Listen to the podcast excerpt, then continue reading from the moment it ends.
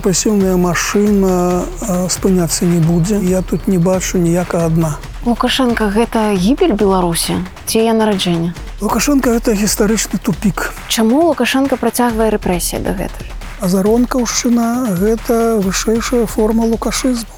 Якім вы бачыце канец лукашэнкі? Будзем чакаць свайго землетрусу палітычнага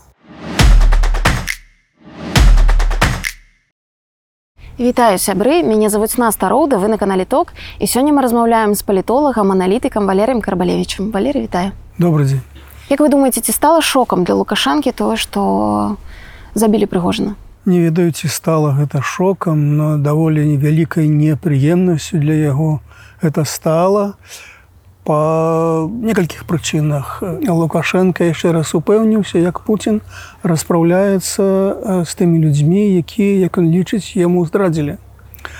Вось это першае. Другое что лукашенко ж абяцаў нешта даваў некія гаранты э, і самому прыгожану і вагнараўцам тэрыторыі беларусі і менавіта под ягоныя гаранты і прыгожан спыніў мяцеж. Цяпер высвятляецца, што ўсё гэта абнулілася і высвятляецца, што Лукашенко як бы не вельмі надзейны чалавек і ягоным гарантыям не трэба верыць. І ўрэшце яшчэ адна прычына прыватная кампанія Вагнер з'явілася на тэрыторыі Беларусі як як бы следства як э, частка той сделки якая была падчас ліквідацыю мяцяжу калі ўзнікла пытанне куды ж дзяваць гэтых вагнараўцаў лукашенко прапанаваў выйсці. Э, пераехаць у Беларусь. Гэта была частка сделки а цяпер сделка абнулілася. А вагнараўцы застаюцца на тэрыторыі беларусі і што з імі рабіць э, невядома я не думаю что э, сам лукашенко цяпер э, вельмі радасны ад таго што гэтыя ванараўцы на тэрыторыі беларусі бо з гледзяшча грамадскай думкі нават прыхільнікаў лукашэнкі хто такія вагнараўцы ну гэта некія бандыты это некія забойцы асабліва на тле таго як расказвалі што там стурм людзей забіралі ў гэтую кампанію Вось і галоўнае гэта людзі, якія выступілі супраць законнай расійскай улады. Таму нават прыхільнікі Лукашенко да іх ставяцца гучэй негатыўна. Я думаю, што такое стаўленне дзяржаўнага апарату і нават значнай часткі сілавікоў. І тое, што Лукашенко храбрыцца і кажа, што ўсё ў парадку, гэтыя ваганарцы тут патрэбны, яны будуць абучаць беларускіх вайскоўцаў, інструктарамі там будуць я думаю что гэта добрая міна пры дрэннай гульні. Это просто спроба неяк патлумачыць чаму гэтыя вагнараўцы тут неабходныя але як вы думаете як ён выкруціцца з гэтай сітуацыі А я думаю цяпер сітуацыя рассмокчыцца сама сабой прыгожана няма юрыдычным сэнсе такой кампаніі няма я так разумею что і грошы заканчваюцца то Вось і, і таму я думаю, што паціху гэты працэс сканання гэтай кампаніі будзе адбывацца. Ён уже адбываецца. Лукашенко пацвердзіў, што на трэць скарочана колькасць намёту пад асіповічамі. Я думаю, што паціху паступова гэтыя вагнараўцы адсюль з'едуць ці то будуць паступаць на службу у расійскае войска, контракт з міністэрствам обороны ці просто пойдуць дадому что называется ці поедуць у Афрыку. Ну і зараз у Росіі даволі шмат прыватных но кампаній вайсковых і таму як бы ёсць у іх магчымасць там уладкавацца. Не думаю что вялікая колькасць вагнарцаў захоча астацца спыніцца тут у беларусі каб працаваць у беларускім войску Я не ведаю на якіх нават юрыдычных паставах, бо беларускае заканадаўства не прадугледжвае службу беларускім войску іншаземцам. Ну і таму ж гэтыя людзі прызвычаіліся да высокіх заробкаў. А якія заробкі ў беларускіх афіцэраў, ну скажем так, зусім шмат меншыя, чым у вагнараўцаў. Вось і, і, і таму я думаю, што э, вот гэтая фраза что вагнер жыў вагнер будзе жыць это просто э, як бы гульня это просто кіданне пантоў что называется э, я думаю что гэта гісторыя хутка закончыцца Як вы думаеце якая роля лукашэнкі была ў тых перамовах з прыгожаным ці мог сапраўды ён прапанаваць гэтую ідэю прыехаць вагнераўцам у Беларусь ці ўсё ж таки яго просто паставілі перад фактам што вагнераўцы прыедуць будь гатовы. Відавочна што падчас гэтай крытычнай сітуацыі патрэбен быў некі пасярэднік які б мог бы ўлагодзіць гэты канфлікт э, спыніць гэты мяцеж прычым пажадана ну некі пасярэднік э, не самой рассіі Таму ну лукашенко мне падаецца тут быў адзінай фігурай магчымай у этой сітуацыі якія якая могла весці гэтыя перамовы і шукаць кампраміс. Ну і калі кампраміс быў дасягнуты, што мяцеж спыняецца, другое пытанне ўзнікла, што рабіць з гэтымі мяцежнікамі. Беларусь была амаль што адзіным варыянтам, куды можна іх было таскаць паспяхова, часова, як сказаў Лукашенко перакантавацца. Вось, ну і таму гэта натуральным чынам Беларусь, беларуская тэма, беларуская тэрыторыя з'явілася падчас усіх гэтых перамоваў падчас этой сделкі. Як вы ўвогуле ацэньваеце лукашэнку як перамоўшчыка? Цяжка сказаць, які на самай справе лукашенко перамоўшчык, бо шчыра кажучы, я не ведаю нейкіх такіх важных э, знакавых гісторый, дзе лукашенко адыграў бы такую важную роль перамоўшчыка, знайшоў кампраміс і так далей. Тое, што ён расказвае пра сябе, як ён тут наладзіў перамовы паміж рассіяй і Украінай у першыя месяцы тыдні вайны, гэта сказать хутчэй піар. Чым, чым рэальнасць тое, што ён сябе прадстаўляе як галоўным галоўнай фігурай мінскіх пагадненняў, у 14-15 годзе. Ну гэта не так бо Беларусь просто прадставіла магчымасць дзе можна было перамаўляць ну то что лукашенко хацеў мірыць і католікаў і праваслаўных на тэрыторыі беларусі і азербайджан і арменію ну гэта хутчэй заявы піяр а не рэальная дзейнасць по пошуку кампрамісу Таму я не ведаю, як адказаць на гэтае пытанне, бо такіх удалых прэцэдэнтаў, дзе Лукашенко выступіў бы у ролі такога добрага мадаратара, я просто не ведаю. Як вы думаеце, мяцеж вагнераўцаў ён можа ў нейкім выглядзе паўтарыцца. Я маю на увазе не толькі вагнераўцаў так, Таму што ясна, што зараз структура фактычна разбітая і распушчаная, а у будучыні тое, што ў рассіі могуць здарыцца забурэнне ў выніку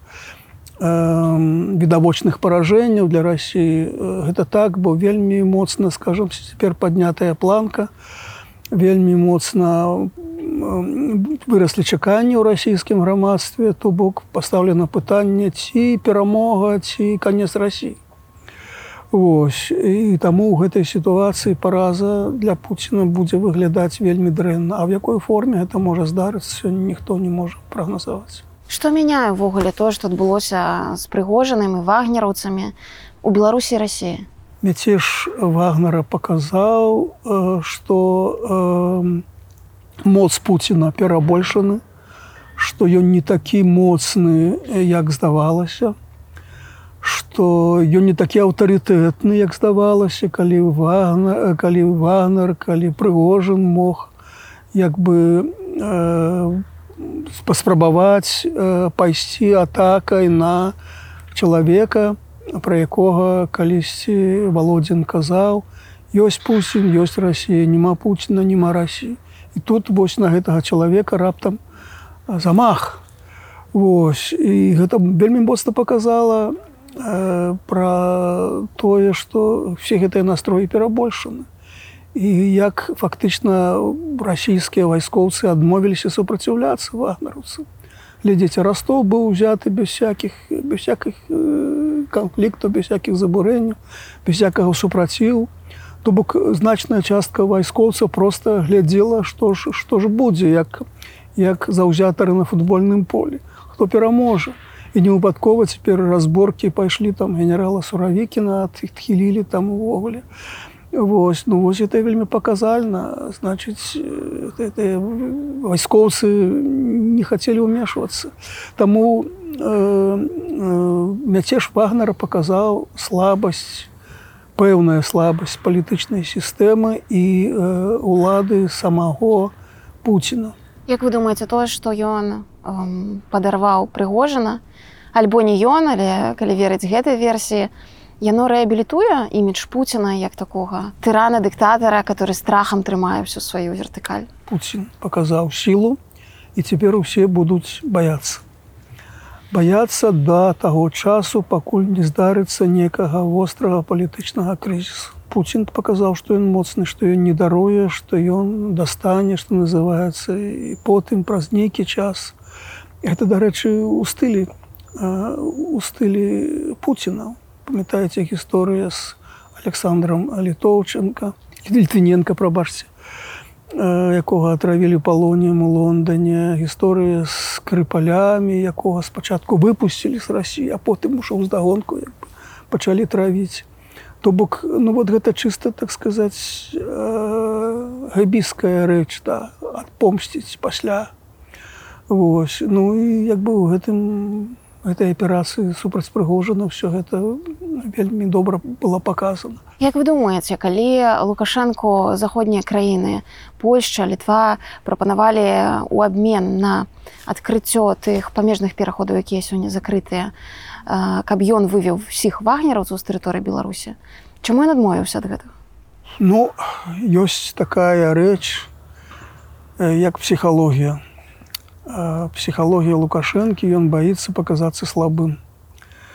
Ён час усялякага канфлікта дэманструе сілу і нават калі шукае кампраміс з усіх сілаў хоча паказаць сябе што ён не слабы што ён не пашоў на саступкі і што ён перамог і калі вось такі ультыматум вылучае Польша, Вось то ён адказвае, што а спачатку выведзеце там з літвы і Польшы замежныя войскі, тады мы будзем казаць пра пра вагнараўцаў.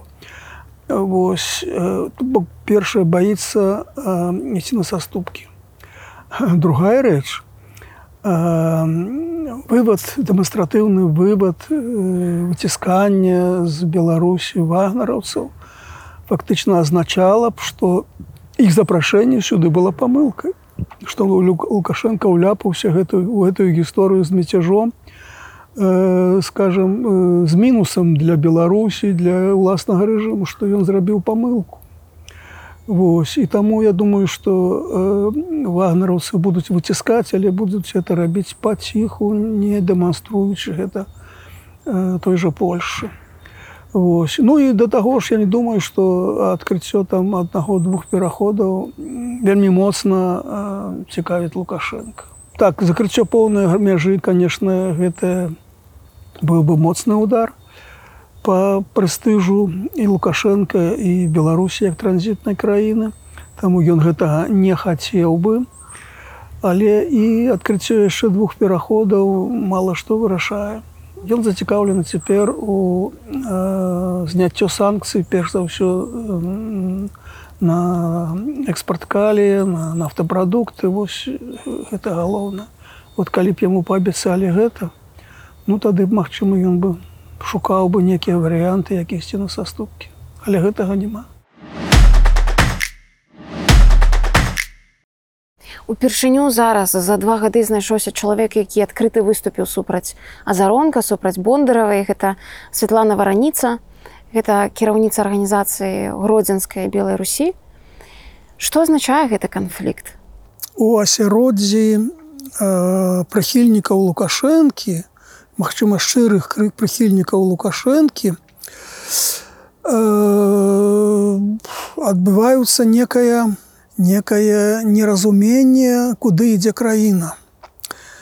Гэтыя людзі, як казала вараніца, хацелі б, каб іх дзеці жылі ў нармальнай краіне. Яны не разумеюць, што пры лукашэнкі нармальнай Беларусі не будзе. І гэта для іх стала вялікай нечаканасцю. Яны думалі што прэшце рэшт пасля перыяду некай напругі некай нейкіх палітычных рэпрэсій краіна вернецца до нармальнага жыцця до два -го года былі будзе перавернуты старонка і так далей а это не адбываецца. Адбываецца ўсё наадварот. Яны не разумеюць што азаронкаўшчына гэта вышэйшая форма лукашызму. І калі тут кажуць пра тое што там азаронак некімі дрэннымі словамі кажа пра палітычных апанентаў слухайте лукашенко за 30 гадоў кіравання столькі наказаў словаў супраць апанентаў я ў сваёй кнізе там цэлую несколько сторонок опісваю гэта як ён опісвае апозіцыю якімі там словамі таму азаронку да лукашэнкі вельмі далёка Вось і э, заронак мукавожчык кажуць тое, што на, на уме у самого лукашэнкі, але ён сказаць не можа. Вось. І я думаю, што некая частка чынавенства ну, гэтым не тое, што незадаволена, для для іх гэта нечаканасць. Яны не думалі, што э, такой цаною, будзе дасягнута лукашэнкаўская перамога ў двадцатым годзе што краіне грамадству даводзіцца плаціць і плаціць з кожным годам еще большую цену за тое што лукашенко ўтрымаў уладу вось гэта стала пэўнай нечаканасцю і і дзіўна што гэта все-таки вырвалася на паверхню Вось і вараніца спрачаецца з азаронкам насамрэч яна спрачаецца з лукашэнкам хаця да гэтага до конца не разумею. Як вы думаеце за ёй можа хтосьці стаяць каранік караяў хто як бы кажа ёй спыніць азаронка напрыклад Мне цяжка казаць таму што тут можна спрабаваць некія версіі будаваць здагадвацца но але лепш не будаваць версіі на пустым месцы Як вы думаеце чым можа скончыцца гэты канфлікт Відаць я думаю што можа просто нічым першы варыянт. Калі будзе зверху дадзен загад спыніць всякие спрэчкі. І тады яны просто спыняцца і все іншы варыянт Мачыма што гэтыя спрэчкі і цікава самому лукашэнку. Няхай паміж сабою прыхільнікі сварацца. Канфлікты в атачэнні для дыктатара бываюць карысныя ён і іншы раз можа сам страўліваць іх некія так сказаць інтрыгі плясці Ну і нехай так паціху паміж сабою сварацца абзываюць адзін другога ад гэтага лада лукашэнкі ніяк не траціць Але чаму беларускія чыноўнікі слухаюцца нейкай там прарасійскай актывісткі? Ну як бы ніхто і нішто для чыноўніка которая загадвае там то помнік прыбраць генію што лацінку прыбраць з вуліцы прыбіраюць? А яна э, выступае у трендзе афіцыйнай палітыкі. І яна ідзе наперадзе яна ў выглядзе авангарду ідзе дарэчы не толькі яна іншыя прапагандысты. Таксама гэта робяць. Вось э, чыноўнікі э, разумеюць што гэта агульны тренд што ён заданы афіцыйнай уладай заданы самага верху што гэта не проста ініцыятыва э, вось гэтых так сказаць дзіўных людзей што гэта агульная тэндэнцыя і таму яны рэагуюць у такой сітуацыі ведаюць лепш перагнуць палку чым не дагнуць у гэты бок. Лепш пабіць лішняга ворага чым ну спрабаваць неяк праявіць някую лаяльнасць да іх. Як вы думаеце калі у які момант гэта можа стаць невыгадным лукашэнку і будзе загадана гэта спыніць. І хто можа гэта спыніць напрыклад? Не толькі гаворачы пра ольгу бондаравалі пра рыгора азаронка мукавозчыка таго ж самага. Я не разумею навошта гэта лукашэнку спыняць. Дзярж... трымаць грамадства ў сітуацыі тэрору сітуацыю страху пасля два -го году. Гэта агульная лінія агульны тренд агульная установка гэтыя людзі эту установку выконваюць і яна спыняцца не будзе пока лукашенко будзе ва ўладзе З кім вы маглі параўнаць, напрыклад, са сталінскага ССР Рыгора Заронка і такіх э, асобаў. Ну былі публіцысты вербах, якія так сказаць крытыкавалі пісьменнікаў. Быў такі мехліс, які ладзіў рэпрэсіі ў сілавых структурах, асабліва ў асяроддзі вайскоўцаў. І ў Савецкім Саюзе, гэтую функцыю выконвалі некія партыйныя функцыянеры. Там все ж такі кантроль э, быў даволі моцны, цэнзура была моцная і некую самастойнасць, такую, якую сёння праяўляюць заронак мукавозчыка. Такога не было. Не было такіх крыніц інфармацыі. То бок інфармацыйнае грамадства дае некія новыя установкі, новыя формы, накладвае, іншую зусім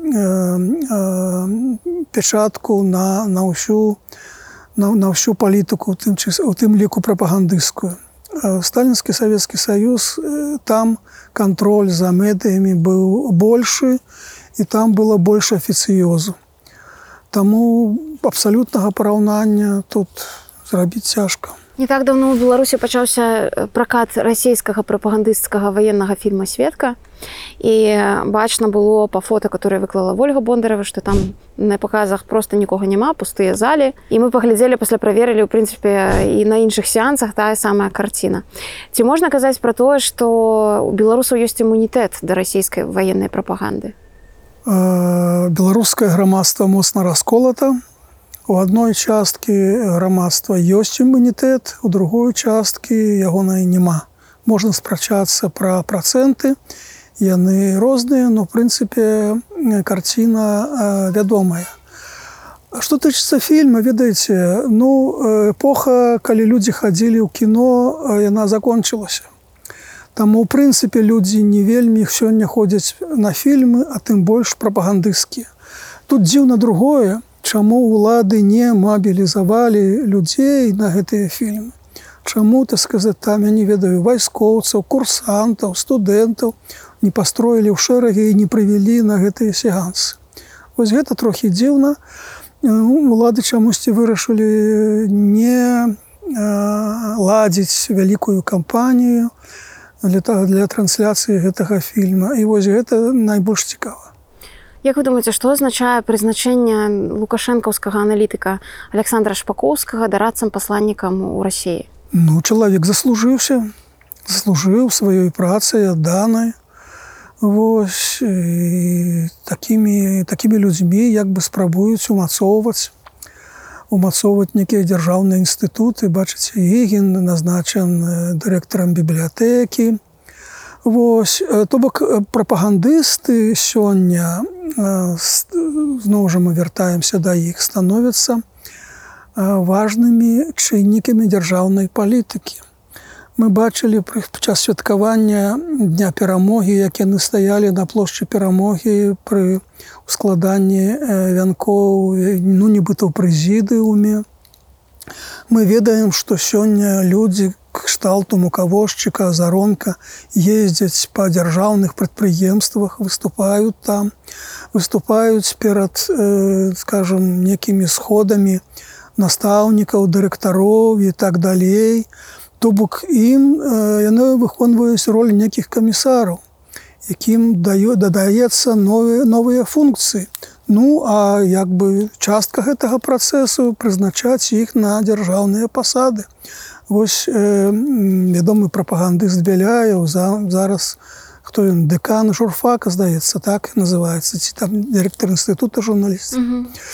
Вось э, таму гэта гэта, гэта тэндэнцыя. Вы написали кнігу про Александра Лукашенко, она называется Александр Лукашенко палітычны портрет.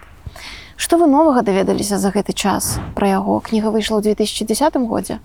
Прайшло ўжо 13 гадоў. Сённяшні Лукашенко гэта той жа Лукашенко 2010 году, толькі перажыўшы псіхалагічную траўму 2020 года. Калі б скажам у 2010 годзе народны пратэст быў такі ж, як у двадцатым годзе, сённяшні ўзровень тэрору быў бы уже пасля десят года. Таму у прынцыпе вялікіх перамен у стылі у прыродзе рэжыму у характары лукашэнкі я не, не бачу. Як я тлумачу сваёй кнізе для лукашэнкі лада і жыццё гэта рэчы параўнальныя. То бок страта ўлады гэта страта жыцця. Ён весь час уяўляе што не ўяўляе сябе увесь час расказвае што не ўяўляе сябе жыццё без улады Вось для яго улада гэта ўсё. І таму я не бачу магчымасці, скажем, калі б ён ну, адышоў да ўлады, там перадаў яе некаму, асабліва сёння пасля таго, што, што адбылося, што ён натварыў за гэтыя тры гады. А калі паглядзець яшчэ больш туды ўглыб, Таму што ў сваёй кнізе вы шмат пішце пра тое, што ён раней там больш за два гады нідзе не затрымліваўся ні на якім месцы. А тут раптоўна ўзяўшы ўладу, затрымаўся так надоўга. У які момант улада стала для яго сэнсам жыцця і ў які момант ён вырашыў, што яе нікому не аддасць. Цікавая гісторыя сапраўды у першыя месяцы пасля таго, як Лукашенко перамоў перамог на прэзідэнцкіх выбараў. Па Менску быў вельмі папулярны анекдот якія злыя языкі выдавалі за чыстую праўду нібыта адна сельчане галіна лукашенко жонкі яго спыталі чаму ж ты не едзеш да свайго мужа ў менскі нібыта галіна ім адказала што мой сашка больш двух гадоў нідзе не затрымліваецца тут бачыце пытанне чалавек э, знайшоў нарэшце сваё месца якое ён шукаў доўга і цяпер э, супадзення чалавека і супадзення часу, супадзення гісторыі. Так здарылася, што цяпер ён затрымаўся на 30 гадоў, хутка будзе, а невядома колькі яшчэ наперадзе. Я думаю, што Лукашенко пачаў марыць пра ўладу, як толькі з'явілася гарбачоўская перабудова. Як толькі з'явіўся рэальны шанс нейкіх новых дадатковых сацыяльных ліфтаў, калі чалавек не адкуль чалавек знізоў мог раптам трапіць на верхавіну э, пропускаючы цэлы шэраг ступеняў якія былі неабходны прайсці каб зрабіць кар'еру ў савецкія часы. Вось. І невыпадкова лукашенко у першыя ж выбары э, свабодныя адносна выбары 1989 года пачаў балатавацца народныя дэпутаты ссср і амаль не выйграў э, выбары у адным акрузе з ёй з ім ішоў кебіч тагачасны кіраўнік дзяржплану Беларусь там зусім некалькі процентаў не хапіла лукашенко каб яго перамагчы. Вось. Ну а потым потым ён зразумеў хутка як увогуле праводзіцца палітычная кампанія. Ён адчуў сябе э, публічным палітыкам Вось што для тых часоў гарбачоўскай перабудовы ну была навіна, Таму што публічных публічнай палітыкі ў савецкім саюзе ў Беларусі не было. Вось. Ну а потым, калі ён ужо стаў дэпутатам, калі яго сталі паказваць па тэлебачанню, бо трансфірваліся паседжанні вярхоўнага савета, калі ў яго з'явіліся прыхільнікі, то ён ужо пачаў марыць пра, пра больш высокую пасаду калі абмяркоўвалі э, пытанне пра э, новую канстытуцыю і пра новага прэзідэнта пра яго паўнамоцтвы вось людзі якія там працавалі з лукашенко вярнулі ўвагу што лукашенко калі абмяркоўваліся под функцыі паўнамоцтва прэзідэнта ну весь час сказаў што трэба зрабіць прэзідэнта моцным што каб гэта была не пустая фігура. То бок ён ужо прыміраў гэта на сябе тады Ну, а калі ён ужо ўзяў уладу, калі атрымаў смак улады, то я думаю, што вельмі хутка ў яго з'явіліся амбіцыі, нават перавышаючыя амбіцыі прэзідэнта Беларусі. дзесьці з 95 -го году яго з'явілася што называется шальная ідэя стаць кіраўніком беларуска-расійскай дзяржавы Ось, і фактычна до конца кіравання ельцына ўся замежная палітыка беларусі была арыентавана на тое каб захапіць крамлёўскі пасад. Вось ён увесь час штурхаў ельцына на тое каб хутчэй аб'ядноўвацца. Вось і паўдзельнічаць у выбарах і ён быў упэўнены што ён пераможа ельцына Вось, ну і пасля таго як вось гэтая з'явілася ідэя ну пакідаць пасаду прэзідэнта беларусі ён уже не хацеў і таму стаў прыдумляць розныя варыянты змену канстытуцыі. Ну і ўрэшце урэшце з'явілася вось гэтая ідэя што любімую то бок уладу не аддаюць ведаеце яшчэ вы там шмат у кнізе апісваеце пра дзяцінства студэнцтва і ён там выглядае такім змагаром за справядлівасць. У які момант ён страціў гэтае пачуццё справядлівасці альбо яно неяк трансфармавалася ў тое што мы назіраем зараз калі э, жанчын калі старых людзей усіх катуюць без разбору і яўна што там ніякай справядлівасцю і не пахне? Гэта канфліктнасць гэта дрэнная адаптацыя да сацыяльнай рэальнасці якая вакол яго.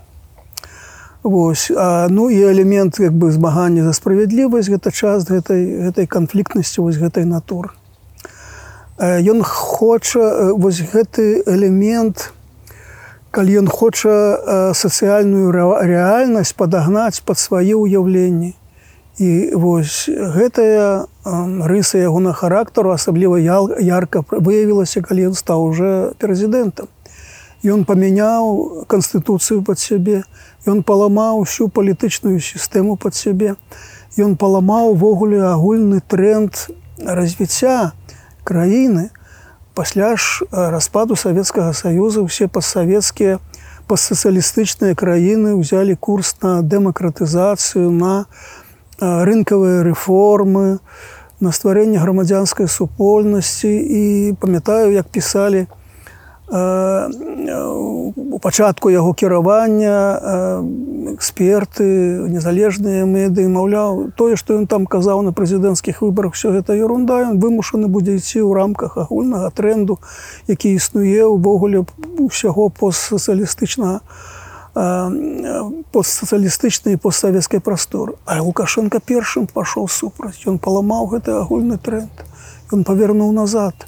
То бок вось нездольнасць да адаптацыі да той рэальнасці якая ёсць імкнення падагнаць гэтую рэальнасць под сваё ўяўленне вось яна выяўлялася яшчэ у да прэзідэнцкія гады і у атрымала форму вось гэтага змагання за справядлівасць ну, нібыта Хаця ну як бы элемент э, можа это існаваў ну але тут больш глыбокая праблема Як вы думаеце той лукашенко якога мы назіраем зараз то бок з гэтымі фашысцкімі практыкамі якія ёсць у беларусі гэта ўжо назаўжды ці ён можа памяняцца?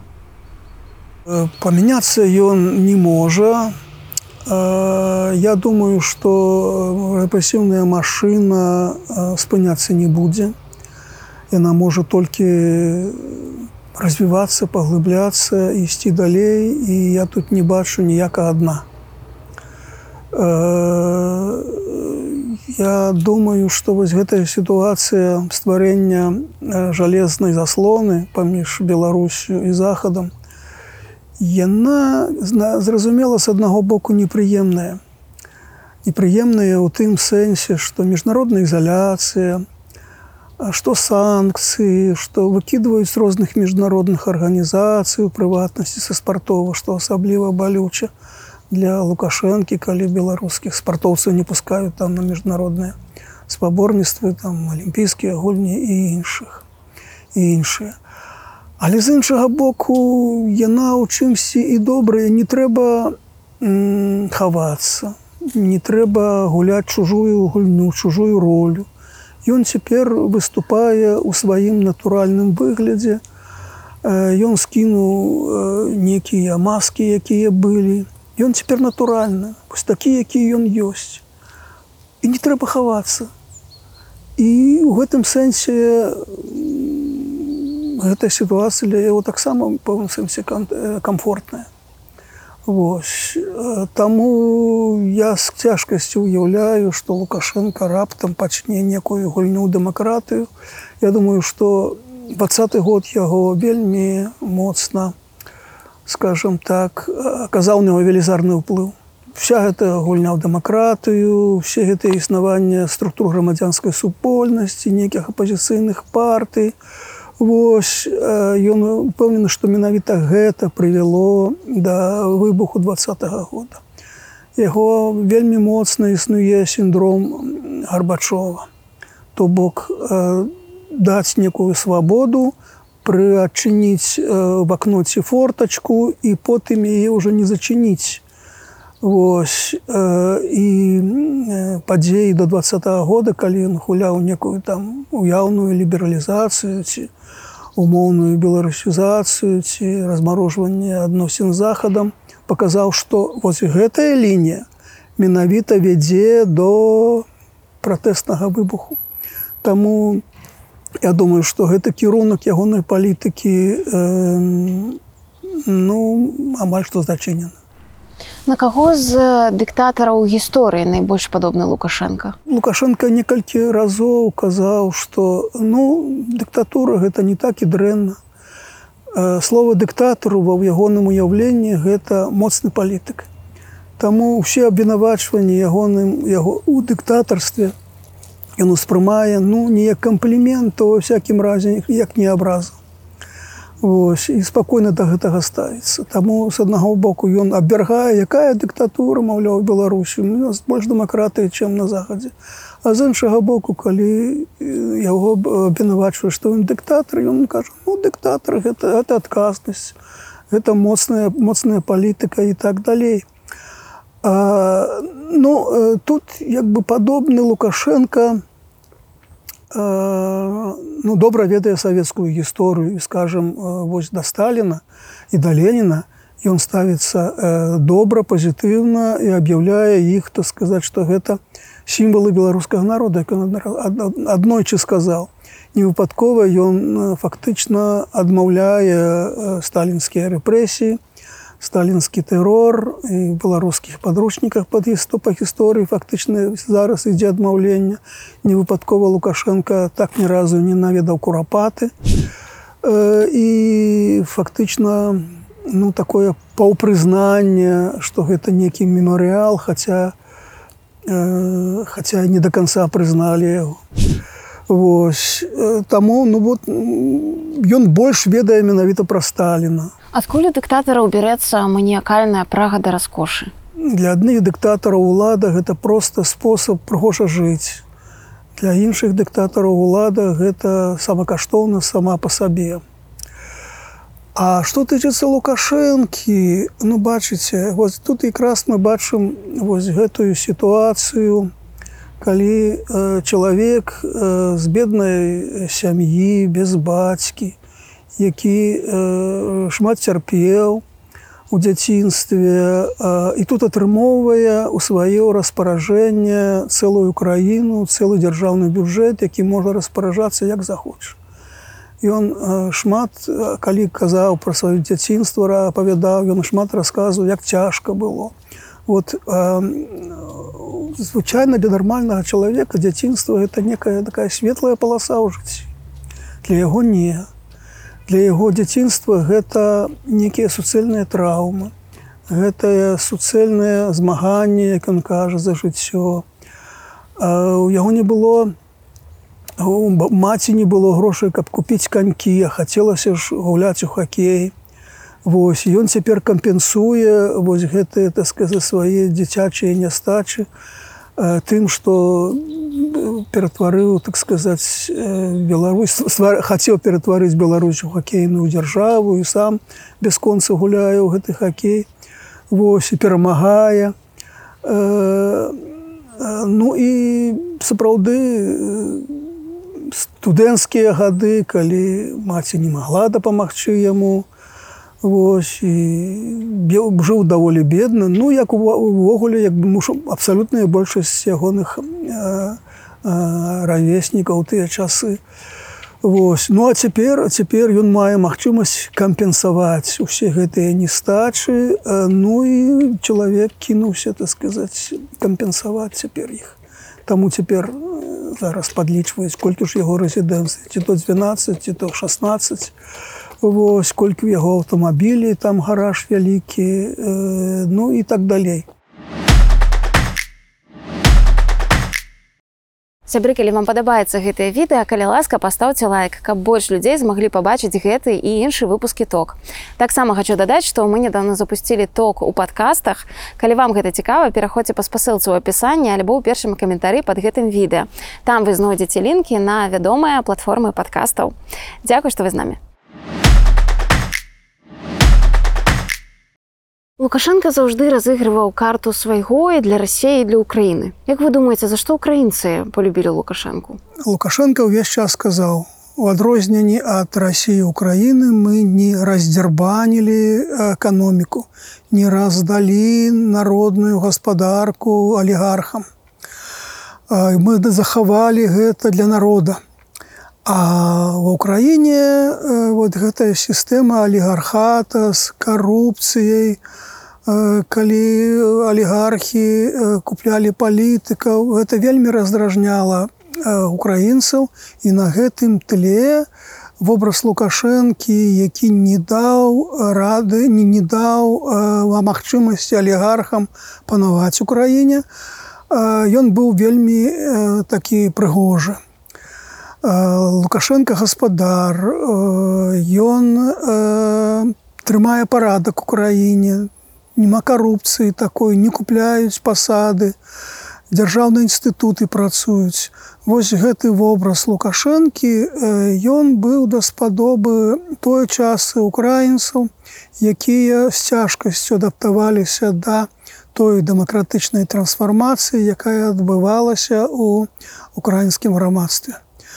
Ну і гэта адбыло адбывалася да двадцатого года. Ну а пасля 22 года ўсё гэта абрынулася і стала зразумела. Больш хто ж такі насамрэч лукашенко на і для абывателя украінцаў. Як вы думаеце наколькі важна ўвогуле лукашэнку каб яго любілі? Любы дыктатар самы нечалавечны хацеў бы каб яго любілі. Такая прырода чалавека Ну а Лукашенко прыйшоў да ўлады як папуліст, як чалавек, які адлюстроўвае народныя настроі. Вось гэты вобраз народнага прэзідэнта, усенародна выбранага. Гэта сапраўды для яго было важным псіхалагічна. І ён ну, не выкупаўся ў гэтых так сказаць у гэтых, праменях народнай любові. І двадцаты год все это абрыну. Гэта вялікая трагедыя для чалавека, ну адначасова трагедыя для краіны. Як вы думаеце, да каго са свайго атачэння Лукашенко найбольш прыслухоўваецца? Хто на яго ўплывае? Бачыце, пры такіх сістэмах персаналісцкай улады, сістэмах аднаасобнай улады, не бывае чалавека номер два.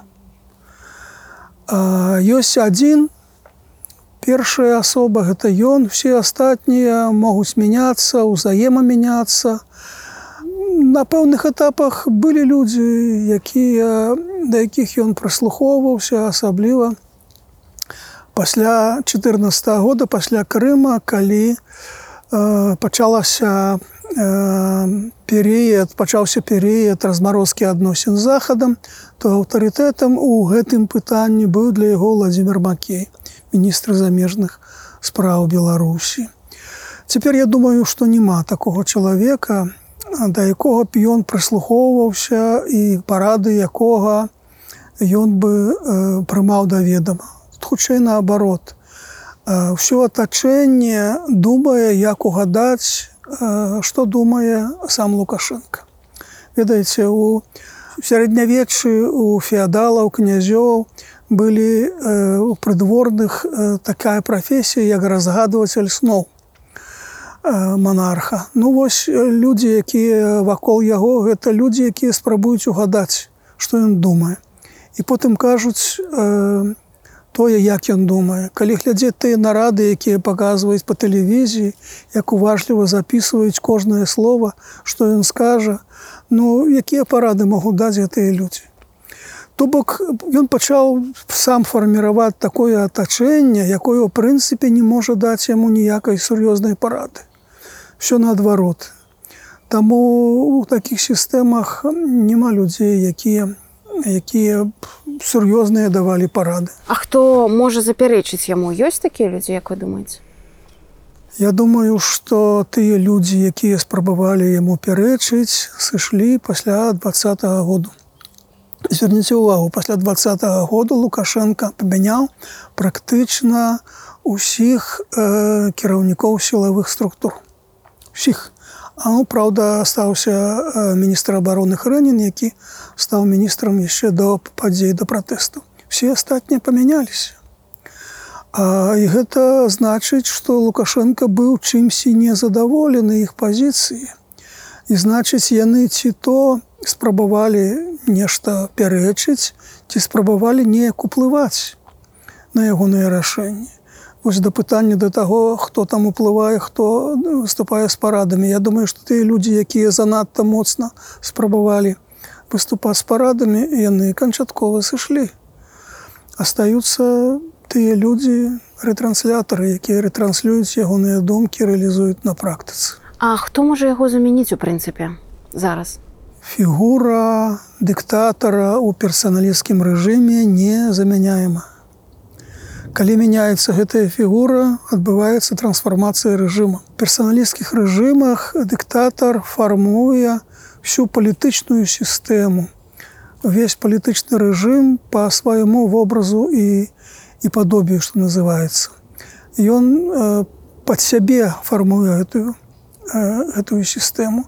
І ў гэтай сістэме яго замяніць ніхто не можа як толькі на гэтай пасадзе з'яўляецца новы чалавек ён абавязкова будзе трансфармаваць яе пад пад сябе. Якім вы бачыце канец лукашэнкі? Гэта пытанне на якое адказаць немагчыма. Это можа быць натуральная смерць. Гэта можа быць змяшэнне ў выніку народнага пратэсту. Якая вы думаеце найбольш імаверная версія? Э, я не бяруся адказаць на гэтае пытанне. Калі э, ўсё будзе ісці паводле нейкага кансерватыўнага сцэнару, ніякіх не будзе забурэнняў. У Беларусі э, Расія не атрымае паразу ў гэтай вайне, Ну тады самы імаверны гэта адчаканне фізічнага канца канца фізічнага жыцця Александра Лукашэнкі але вайна в Украіне задала новую дынаміку і ў гэтай сітуацыі магчымы нейкія нечаканасці, якія прагназаваць увогуле немагчыма. Якую вы бачыце будучыню для коля Лукашенко, якая найбольш імаверная, чым ён будзе займацца, якая яго роля будзе ў Беларусі? Я думаю, што пасля сыходу Лукашэнкі, людзям з прозвішчам лукашэнкі жыць на тэрыторыі беларусі будзе вельмі вельмі цяжка і я не думаю что э, э, людзі сям'і лукашэнкі застануцца жыць у беларусі Чаму лукашенко працягвае рэпрэсіі дагэтуль? Моцная траўма якая атрыманая ў двадцатым годзе не дазваляе яму спыніцца. Это чыста псіхалагічная рэч у ён помсціць. Ён помсціць усім хто быў супраць яго. І гэта такая чыста псіхалагічная прычына. Ёсць сістэмная рэч. Лукашенко у двадцатым годзе убачыў што большасць супраць яго. Што б ён не казаў як бы ён не расказваў пра тыя 80 процентов якія нібыта ён атрымаў сам то ён разумее Ён памятае, як ён не мог, як я ўжо казаў перамашчацца на аўтамабілі по гораду мінску, а толькі на верталёце. Вось. Ён сам у некаторых рэпліках казаў, што скрытыя праціўнікі там і ў выканкамах сядзяць і в нейкіх дзяржаўных установах. Вось і таму, каб у такой сітуацыі ўтрымацца да, пры ўладзе патрэбен вельмі жорсткі рэпрэсіўны рэжым. Таму што паводле яго можа быць новы выбух. Вось. Ну і ўвогуле гэты рэжым можа утрымацца ва ўмовах мадэлі крэпасці в асадзе, крэпасці ў аблозе. І таму дзеля гэтага патрэбна ўсялякае напружанне ўнутры краіны, патрэбнае пастаяннае змаганне з ворагамі вакол, поэтому нагнетанне напружанасці ў адносінах з суседзямі пагрозы і расказы пра пагрозы з боку там Польша, літвы ці Украіны. Ось, ну а калі крэпасць у аблозе, то патрэбна знішчэнне ўсякай пятай калоны ўнутры краіны. Таму э, спадзяванне на спыненне рэпрэсіі пры гэтым палітычным рэжыме, я думаю, марнае. Раней таксама абраліся палітычныя вязні, амаль кожныя 5 гадоў падчас кожных прэзідэнцкіх выбараў. Але за кратамі заставаліся толькі лідары, а большасць людзей выпускалі. Калі Лукашенко можа хаця б пачаць гэты працэс, выпускаць вязняў, нават калі не гаварыць пра бабарыку, калеснікаву, зараз жа тысячы закладнікаў. Пасля два -го года прынцыпова змянілася палітычная сітуацыя. Падчас папярэдніх прэзідэнцкіх выбараў Лукашенко бачыў, што супраць яго выступае апазіцыя, якая не абапіраецца на падтрымку большасці. Таму дастаткова было рэпрэсаваць лідараў, некалькі дзясяткаў, палітычных зняволеных, як тое было пасля 2010 году. Гэтага был дастаткова, каб трымаць сітуацыю пад кантролем. Пасля два -го года сітуацыя вельмі моцна змянілася. Ён цяпер не абапіраецца на падтрымку большасці. І каб у такой сітуацыі ўтрымаць уладу, патрэбна пастаянная праца рэпрэсіўнай машыны. Таму э, я допускаю магчымасць вызвалення там некалькі чалавек, некалькі дзясяткаў чалавек паводня некіх дамоўленасцяў з нейкімі, я не ведаю швейцарскім амбасадарам ці яшчэ. Але на іх зімену прыходзіць новыя, мы бачым кожны дзень адбываюцца затрыманні, адбываюцца суды, адбываюцца пакаранні. Таму гэты канвеер. Адныя выходзяць, другія э, оказываются за кратами. Вось, таму праблема ж не толькі ў вызваленні, праблема ў спыненні рэпрэсій, у змене рэжыму, у лібералізацыі яго. Таму няма ніякага сэнсу выпускаць адніх і потым браць другіх, это ж нічога не мяняе. Так што можа прымусіць яго пайсці на нейкія саступкі?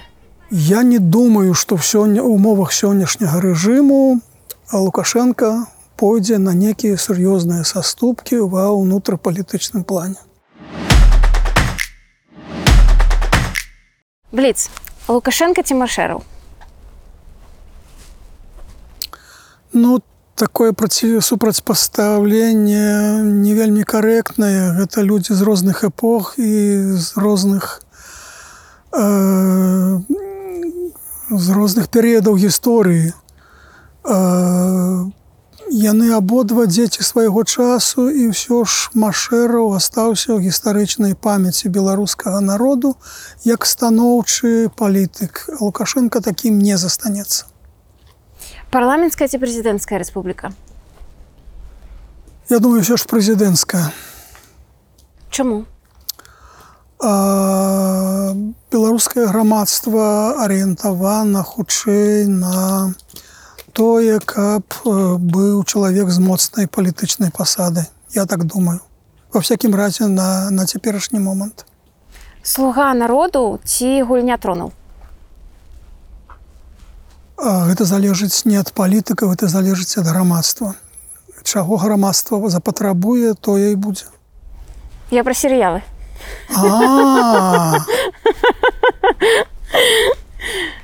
Глядзелі што-небудзь? Толькі некаторыя серыі ну гэта зноў жа зусім розныя жанры і я прыхільнік рэалістычнага мастацтва там хутчэй слуга народа песняры ці мехалок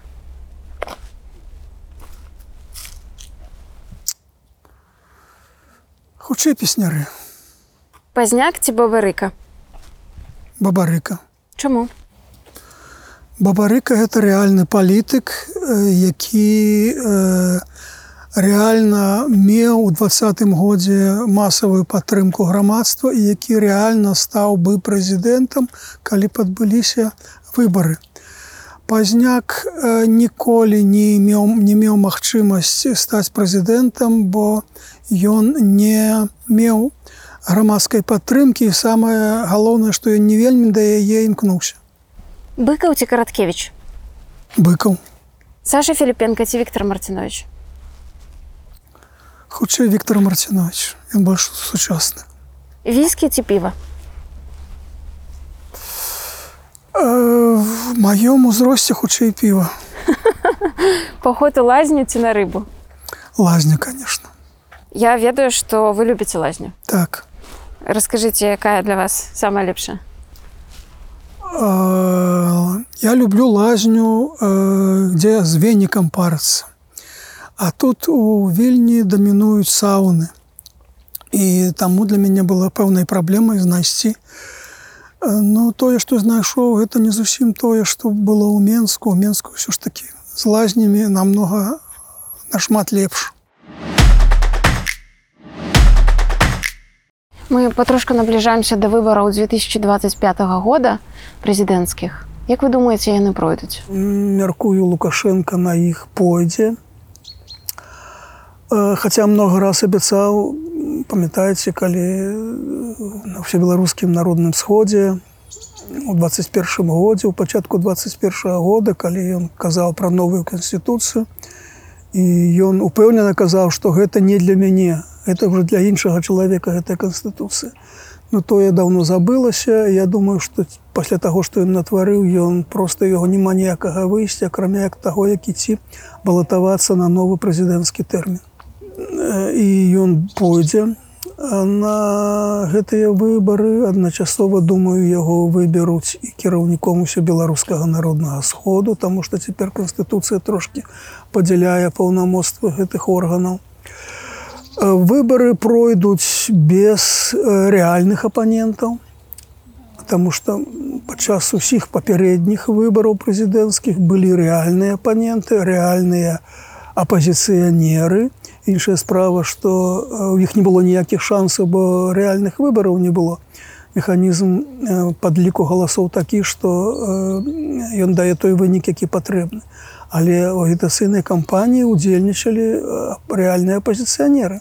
І у 2001 2006 2010 2015 а ўжо 2020 мы все памятаем. Думаю цяпер рэальных пазіцый апазіцыянераў не будзе.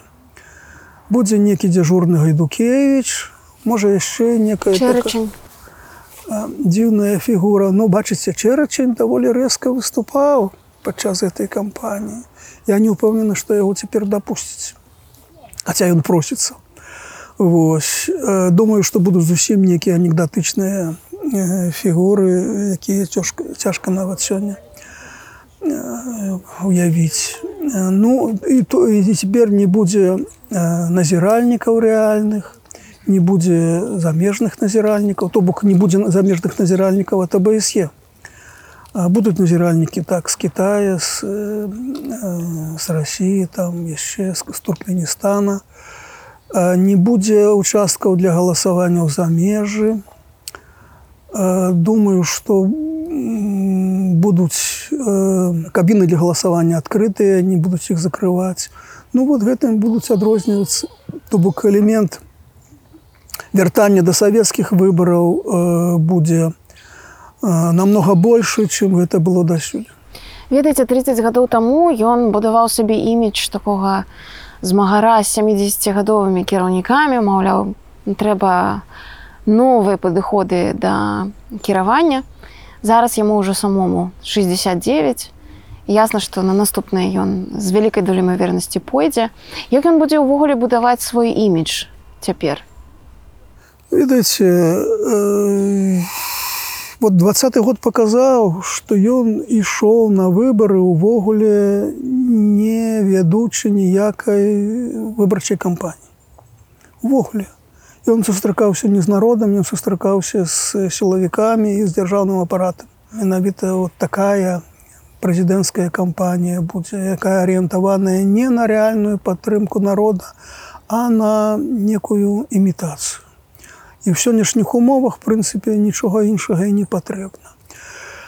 Калі казаць пра імідж, ну бачыце, ён цяпер, калі дае інтэрв'ю замежным журналістам, ён падкрэслівае тое, што ён даўно ўжо ў палітыцы, што ён ужо патрыарх сусветнай палітыцы, што ён мудры такі палітык, вось вобраз мудрага палітыка, які шмат што ведае, шмат пры ўладзе і сёння сёння цяжка знайсці ў свеце людзей, якія б знаходзіліся ва ўладзе сёння рэальна.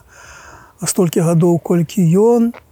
Вось этот вобраз мудрага палітычнага патрыарха гэта першае. Другое гэта вось спроба сказаць што менавіта на ім трымаецца стабільнасць улада парадак бяспека міру беларусі Вось калі яго не будзе, то зноў будзе як вось як ва ўкраіне. Вы можете дапусціць, што ў 70 ці 75 ён раптоўна сыдзе.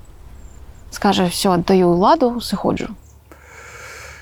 Я гэта не магу уявіць. Я думаю, што ён рэальна дапускаў гэтую сітуацыю пасля два -го году. Пасля два -го году у верасні, калі былі перамовы лукашэнкі з Пуціным, калі лукашенко паехаў у сочы Путін паставіў яму ультыматум я цябе цяпер падтрымаю але з умовай што ты сыходзіш Ён даў абяцанне і вось прыдумаў новую канстытуцыю паводле якой там уводзіцца новая пасада новы інстытут усебеларускі народны сход і кіраўнік гэтага сходу мае вялізнае паўнамоцтва якія забіраюцца ад прэзідэнта. І я думаю, што ён рэальна разлічваў, што ён сыходзіць з пасады прэзідэнта і становіцца кіраўніком усе беларускага народнага сходу і кантралюе рэальную ўладу ну штосьці падобна на тое, што зрабіў Назарбаю ў Казахстане. Але вы сапраўды думаеце, што Пуін мог паставіць яму ўмову сысці, пры тым, што Пуін яўна ўжо тады планаваў вайну. І Лукашенко яму быў выгадны. Пасля сустрэчы ў Сочы быў каментарый міністра замежных спраў рассіі Сергея Лаўрова, які публічна выказаў пазіцыю крамля. Ён сказаў, што вось Лукашенко сам пра сябе сказаў, што маўляў, я мусіць засядзеўся. Вось і маўляў, грамадства патрабуе перамены. Вось таму будуць датэрміновыя прэзідэнцкія парламенцкія выбары, то бок гэта была спроба неяк супакоіць гэты пратэст. Пуін бачыў, што гэта сапраўды народны пратэст. Пуін бачыў, што грамадства беларускае не ўспрымае лукашэнку. І таму трэба было па логіцы крамля э, зрабіць сыход лукашэнкі, але не ў выглядзе народнага паўстання, не як вынік народнай рэвалюцыі, а як вынік некай такой ну, добрай волі лукашэнкі, некай такой трансфармацыі паступовай і так далей. Я не ўпэўнены, што ў двадцатым годзе Пуін быў упэўнены, што ён пачне вайну. Я думаю, што гэта ідэя пачаць вайну з'явілася трошки пазней. І вот як толькі ён прыняў рашэнне пачаць вайну, ён адмовіўся ад свайго патрабавання, каб Лукашенко сыходзіў. І таму Лукашенко гэтаму абрадаваўся. Як вы думаеце, калі за 30 гадоў кіравання Лукашенко быў найбольш слабым? Ну найбольш слабым ён быў першыя два гады свайго кіравання. Калі дзейнічалі рэальна дзейнічалі інстытуты, дзейнічаў парламент, верхоўны савет, які спрабаваў яму вынесці імпічмент. Дзейнічаў канстыцыйны суд які а, а, казаў дадаваў высновы што ягоныя указы неканстытуцыйныя. І ў 96 годзе была рэальная сітуацыя адхілення яго ад улады сітуацыі імпічменту. Гэтыя два гады для яго былі даволі напружаныя і невыпадкова ён разагнаў усе гэтыя інстытуты якія пагражалі яму. Вось таму 94 96 год гэта былі годы ягонай слабасці. Ну і зразумела 2020 год калі ўсё хісталася калі э, была рэальная магчымасць э, адхіліць лукашенко ад улады калі б э, народны пратэст э, скажем так э, развіваўся па-іншаму Што магло развівацца па-іншаму, што б магло прымусіць Лукашэнку сысці? пік пратэсту быў 16 жніўня калі на вуліцы беларускіх гарадоў выйшла каля паўмільёна чалавек Вось не трэба было сыходзіць з вуліцы рэвалюцыя не робіцца толькі па нядзелям калі пратэст праходзіў раз у нядзелю па выходным субота нядзеля і так далей так рэвалюцыі не робіцца вот калі б у 16 у 16 пасля 16 людзі не разышліся людзі засталіся на вуліцы то гэта была рэальная сітуацыя калі можна было скажем так дасягнуць расколу дзяржаўнага апарату расколу сілавікоў калі памятаеце сілавікі былі моцна дэмаралізаваныя тым што адбылося першыя тры дні пасля выбараў калі там шмат людзей пабілі і нават і міністр унутраных спраў караяў казаў што ну так былі памылкі нават лукашенко пра гэта казаў што пера, перагнулі маўляў палку. І сілавікі сышлі з вуліцы на, на, на, на гэты час. І Путін Крemль э, рабіў паўзу і чакаў што адбудзецца ў беларусі? Хочу звярнуць увагу. 7-10 дзён пасля выбараў расійскія дзяржаўныя федэральныя тэлеканалы рэальна паказвалі сітуацыю Беларусь рэальна. Яны не былі на баку лукашынкі Вось. Просто ў гэты час не было лідараў. Все лідары к гэтаму часу былі арыштаваныя. Это было вельмі такая дальнавіднае рашэнне лукашэнкі і бабарыка і статкевич і северінец Вось ну і Магчыма, трэба было атачаць не рэзідэнцыю лукашэнкі, а спачатку там валадарку як рэсціна, каб вызваліць палізняволеных. Это быў бы першы крок пераможны. Вось. Ну а калі людзі сышлі з вуліцы, ну вось гэта была фатальная памылка і фатальны сыход гэтага супрацьстаяння. Дзяржаўны апарат набыў моц. Ён убачыў, што пратэз кожным з кожным наступнай нядзеляй людзей усё менш і менш слабей слабей ну і пасля праз 7-10 дзён Росія рашуча падтрымала лукашэнку Путін сказаў што рыхтуе атрады розгварды для па таго чтобы дасылаць у Беларусь ну можна сказаць што з гэтага часу было зразумела што што лукашенко ўтрымаецца Як вы думаеце пазняк падыгрывае лукашэнку зараз? Калі казаць пра ягоныя аб'ектыўныя заявы то ў нейкіх кірунках э, так можна казаць што пазіцыі э, пазняка і пазіцыі лукашенко аб'ектыўна супадаюць. Э, скажем не трэба санкцыі супраць беларусі не трэба ціснуць на афіцыйны мест бо можна э, заціснуць яго ў рассію скажем так ну, негатыўнае стаўленне да краін захаду у пазняка таксама ёсць зараз ён моцна крытыкаваў кіраўніцтва літвы лукашан таксама я крытыкуе ну гэта не тое што подыгрыш но палітычная філасофія гэтых людзей мае кропкі супадзення. І зразумела што палітычным сэнсе яны антаганісты но па нейкіх пунктах яны яны яны супадаюць. Але як да гэтага дайшло? Ці гэта зайздрасць да новых лідараў апозіцыі ці гэта непрыманне лібералаў у прынцыпе у любой форме? Ну бачыце зянон пазняк фактычна шмат гадоў не прысутнічаў у рэальнай палітыцы.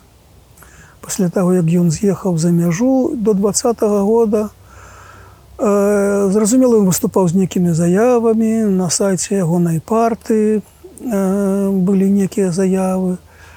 Але ў рэальнай палітыцы ні ён, ні ягоныя партыі не ўдзельнічалі. апошні раз даецца Зянон пазняк збіраў з подпісы ў 2006 годзе. больш 15 15 гадоў в рэальнай палітыцы не ўдзельнічалі КХП БНФ займалася толькі тым, што ну, займалася ўшанаваннем э, мемарыяла курапаты. Всё. На гэтым іх палітычная дзейнасць э, не, не існавала, ні ў якіх выбарах яны не ўдзельнічалі. І пазняка вярнуў да палітыкі, да, да медыйнасці, да больш вядомасці менавіта двадцаты год хоць ён да лідараў гэтых ставіцца негатыўнай да бабарыкі да святланы ціхановскай але двадцаты год яго вярнуў у медыйную прастору. Вось і, і цяпер ён зноў спрабуе заявіць за сябе і у нечым гэта яму ўдалося А што тычыцца ягоных ягонай філасофіі, ягонай палітычнай платформы, то прынцыпе яна не мянялася, але до два -го года это мала каго цікавіла. А ў прынцыпе ўсіх лідараў апазіцыі ён абвінавачваў у тым, што яны агенты, чы есть ці то КГБ, ці то ФСБ. Вось э, усе, хто не з'яўляліся сябрамі КХП БНФ, ну як бы гэта не саюзнікі яго, гэта апаненты калі не агенты Вось, э, все хто ўдзельнічалі ў выбарах э, на тэрыторыі беларусі гэта все здраднікі агенты.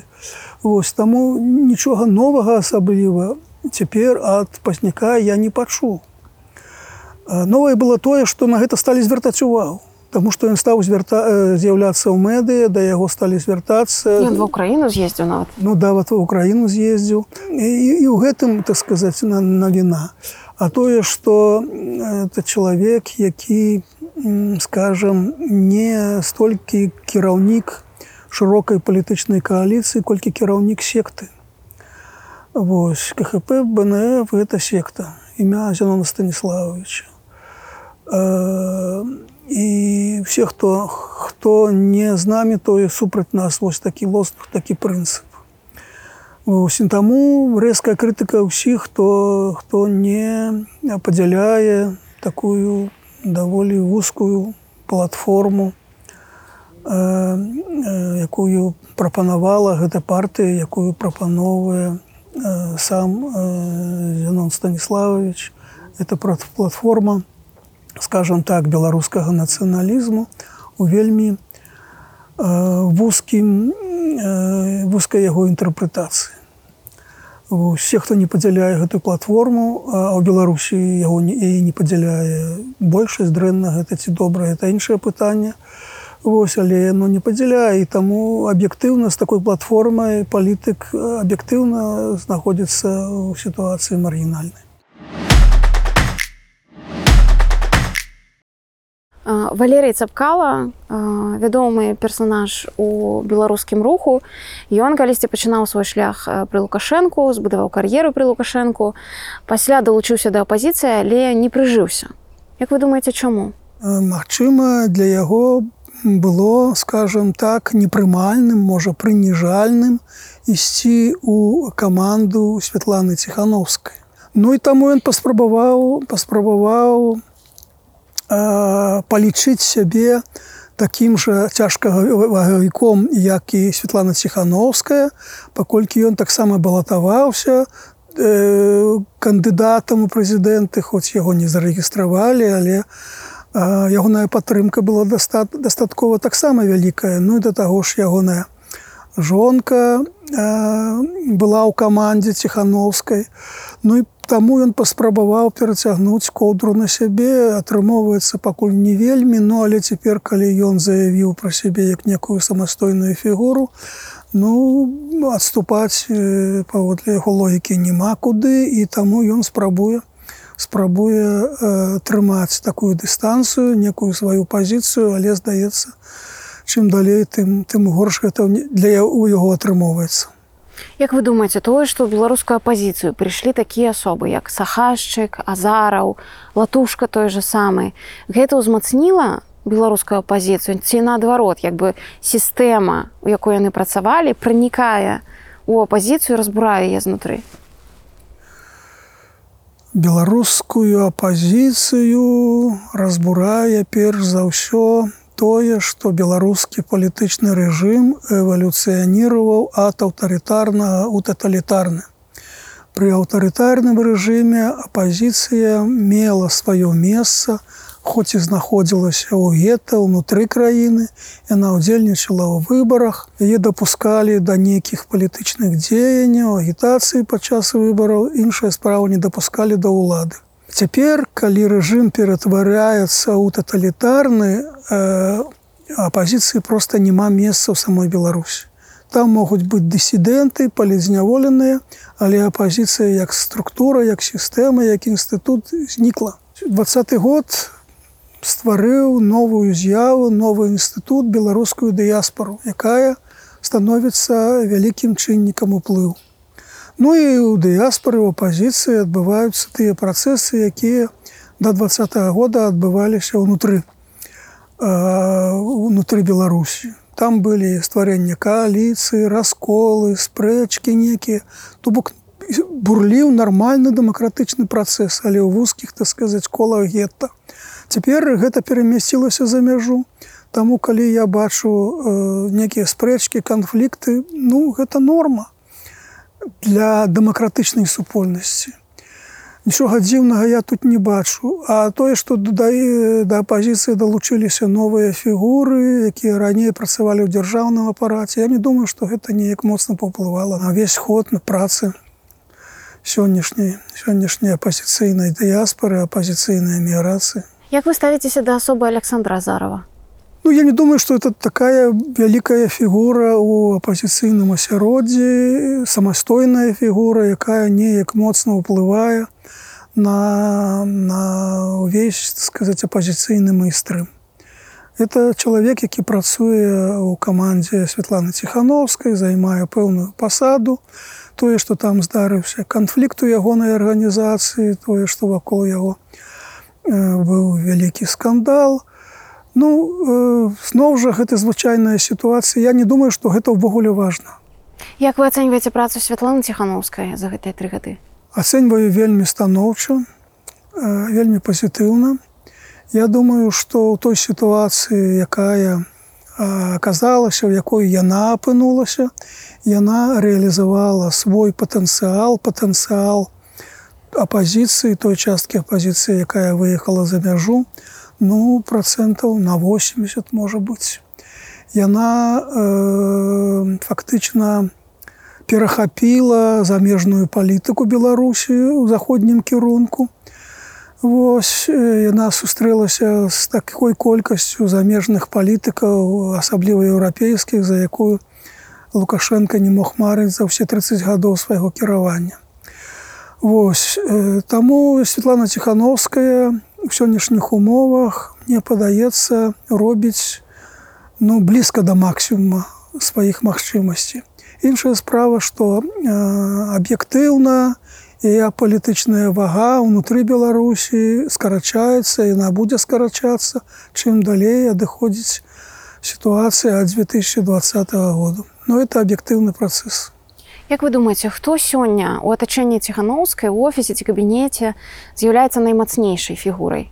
Павел Латушка, які выступае з шэрагам ідэй, з шэрагам ініцыятыў, які э, спрабуе як бы прапаноўваць некія э, кіронкі, палітыкі можа больш радыкальныя чым святланы тыхаціхановская але у чалавек які якога ёсць нейкія ідэі што рабіць можна спрачацца з імі можна казаць што яны няўдалыя але ва ўсякім разе ён фонтан фонтаніруе ідэямі ініцыятывамі у гэтай сітуацыі мне падаецца гэта найбольш моцная фігура у атачэнні Святлана Ціхановская. Як вы думаеце тое, што Віктор Бабарыка сядзіць у турме зараз. Гэта яго ўзмацняе палітычна, Таму што чалавек ахвяраваў усім дзеля Беларусі. Бачыце, гісторыя беларускіх палітвязняў сведчыць пра тое, што іх доўгае знаходжанне ў турме, скажем так, не моцна іх узмацняе.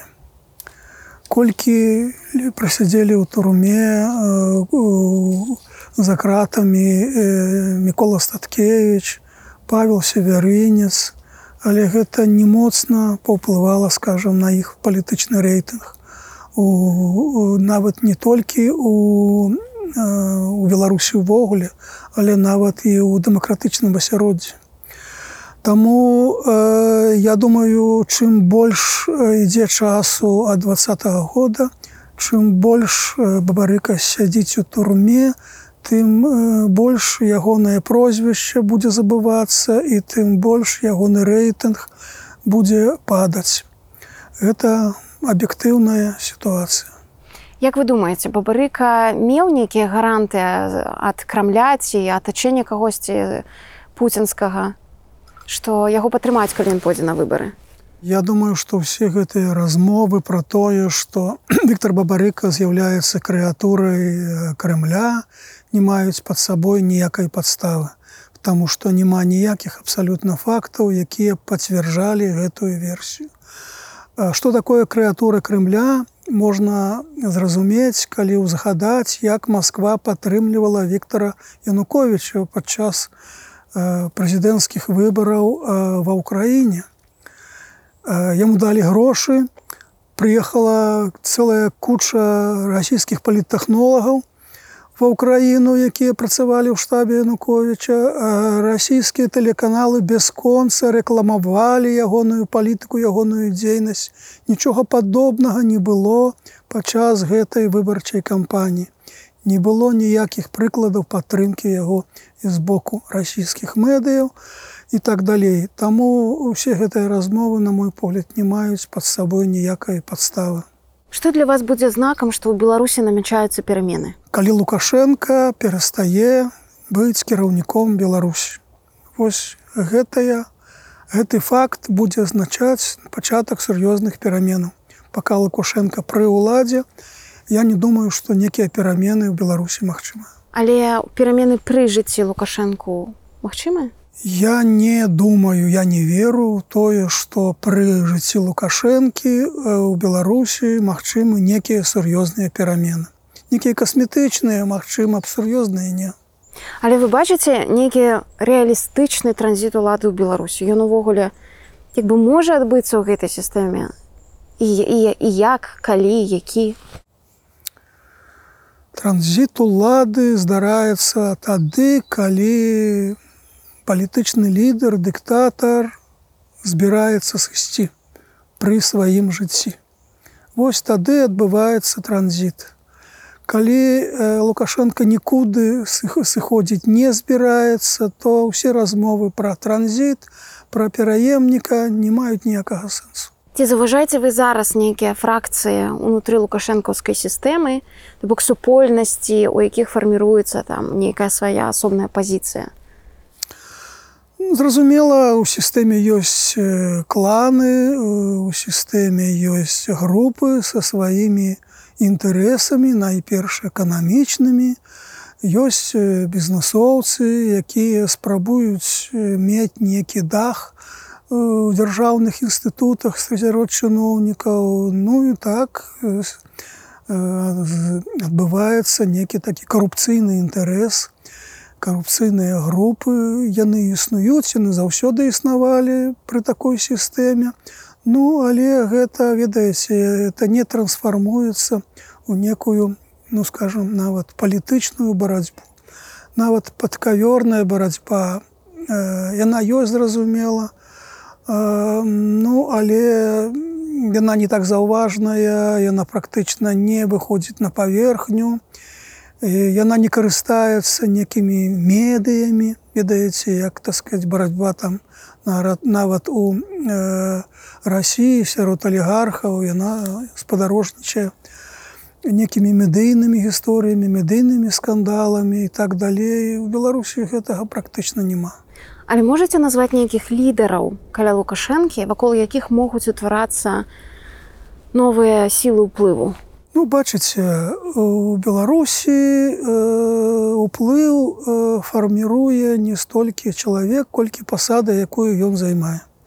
калі чыноўнік займае некую пасаду ягоная палітычнага вага расце вакол яго могуць так сказать фарміравацца некія групы ўплыву Вось але як толькі чыноўнік губляе гэтую пасаду то і гэтыя гэтыя групы ўплыву распадаюцца бо бо няма цяпер лабізму такога. Ну а такімі людзьмі якія больш-менш э, маюць уплыў а э, пры прыкметамі такога ўплыву з'яўляецца тое што яны часцей з'яўляюцца на нейкіх нарадах у лукашэнкі это э, кіраўнік адміністрацыі прэзідэнта херыенко это прэм'ер э, галоўчынка гэта кіраўнікі э, сілавых структур у Вальфович, сакратар рады бяспекі, старшыня КГБ Церцель, Кубракоў, міністр унутраных спраў.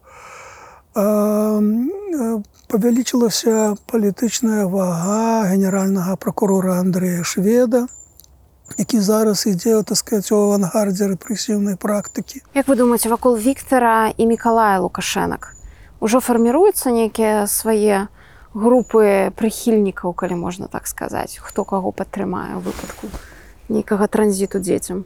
Я думаю што вакол гэтых людзей з'яўляюцца некія камерцыйныя структуры якія з іх дапамогай атрымоўваюць некія льготы не больш за тое.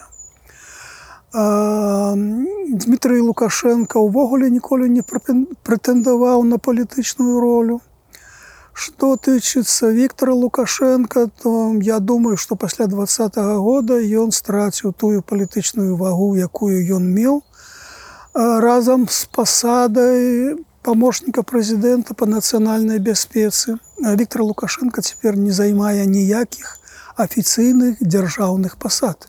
Прэзідэнт нацыянальнага алімпійскага камітэту гэта не дзяржаўная пасада фармальна. Алімпійскі камітэт гэта грамадская арганізацыя. Вось.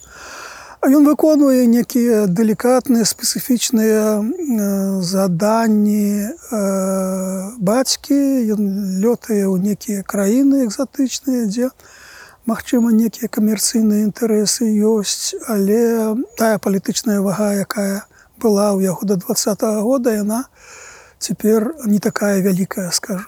І паводле той інфармацыі, якую я валодаю, Віктор Лукашенко не падтрымаў жорсткі сцэнарый барацьбы з пратэстамі.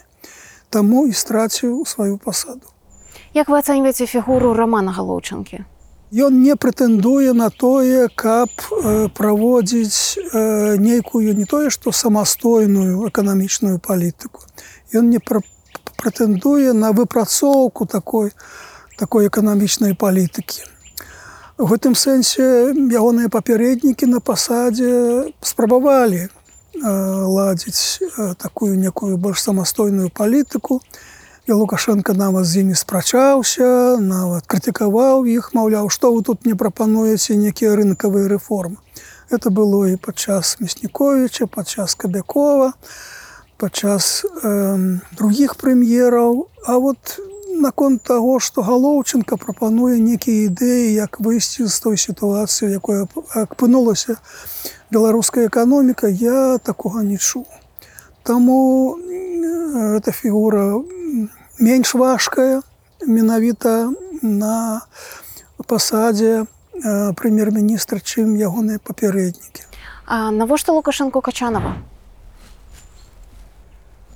Качанова чалавек, які вельмі адданая Лукашэнку, якая яго безагаворачна падтрымлівае, для якой Лукашенко з'яўляецца палітычным кумірам, якой можна давяраць адказныя даручэнні, яна іх выконвае, яна э, добры выканаўца, І пры гэтым, наколькі я разумею, яна не прэтэндуе на некую самастойную ролю, на некую самастойную лінію. Вот, і Лукашенко гэта падабаецца. Як вы лічыце, чаму Лукашенко не размаўляе па-беларуску? Ну найперш таму, што ён не ведае беларускай мовы. Ён не вучыўся ў беларускай школе, ён учыўся ў ра- расійскамоўнай школе. І вы думаеце, ён дагэтуль не ведае беларускай мовы? разумее выступы на беларускай мове чытае але размаўляць на беларускай мове весці размову на беларускай мове не умее А чаму ён за 30 гадоў не вывучыў яе? а навошта? Большасць беларусаў размаўляе на расійскай мове ягоны электарат размаўляе на расійскай мове ягоная а, прарасійскасць арыентацыя на Расію таксама э, патрабуе ад яго пэўнай дыстанцыі ад беларушчыны. Таго просто ў яго ну і просто ленота навошта вучыць беларускую мову калі няма асаблівай патрэбы? Колькі ўвогуле ў лукашэнку беларускага? Ну цікавае пытанне. У пэўным сэнсе лукашенко адлюстроўвае некія элементы беларускай ментальнасці некія элементы э, беларускай грамадскай думкі Ён жа ж не выпадкова быў выбраны на дэмакратычнай аснове у 1994 годзе перамогшы кандыдата ад улады Вячеслава Кебіча То бок той час ён у значнай ступені адлюстроўваў настроі беларускага грамадства, якое ностальгіравала по Савецкаму Саюзу, якое э, не магло прызвычаіцца да існавання незалежнай Беларусі, якое э, ностальгіравала по савецкаму ладу жыцця, э, якое адрынала рынкавыя э, рынкавыя рэформы, э, якое падтрымала ідэю інтэграцыі з Расіяй, бо баялася існавання ну, незалежнай Беларусі э, і лічыла, што каб выжыць, трэба прысланіцца да некай, да некай моцнай, так сказаць, краіны, якую лічыла Расіяю. Ну скажем так, крытычнае стаўленне да э, беларускай мовы, да неведання беларускай гісторыі, ну такі большасць беларусаў не ведае яе. Ось, таму пэўным сэнсе Лукашенко, асабліва першыя гады кіравання адлюстроўваў дамінуючыя настроі беларускага грамадства. Толькі цяпер двадцаты год паказаў, што ён адлюстроўвае настроі меншасці беларускага грамадства, адлюстроўвае настроі патрыархальнай часткі грамадства, якая засталося у індустрыяльнай ці яшчэ да інструальнай эпохі. Адлюстроўвае тую частку настрояў дзяржаўнага апарату якая працаставалася да гэтай новай беларускай мадэлі.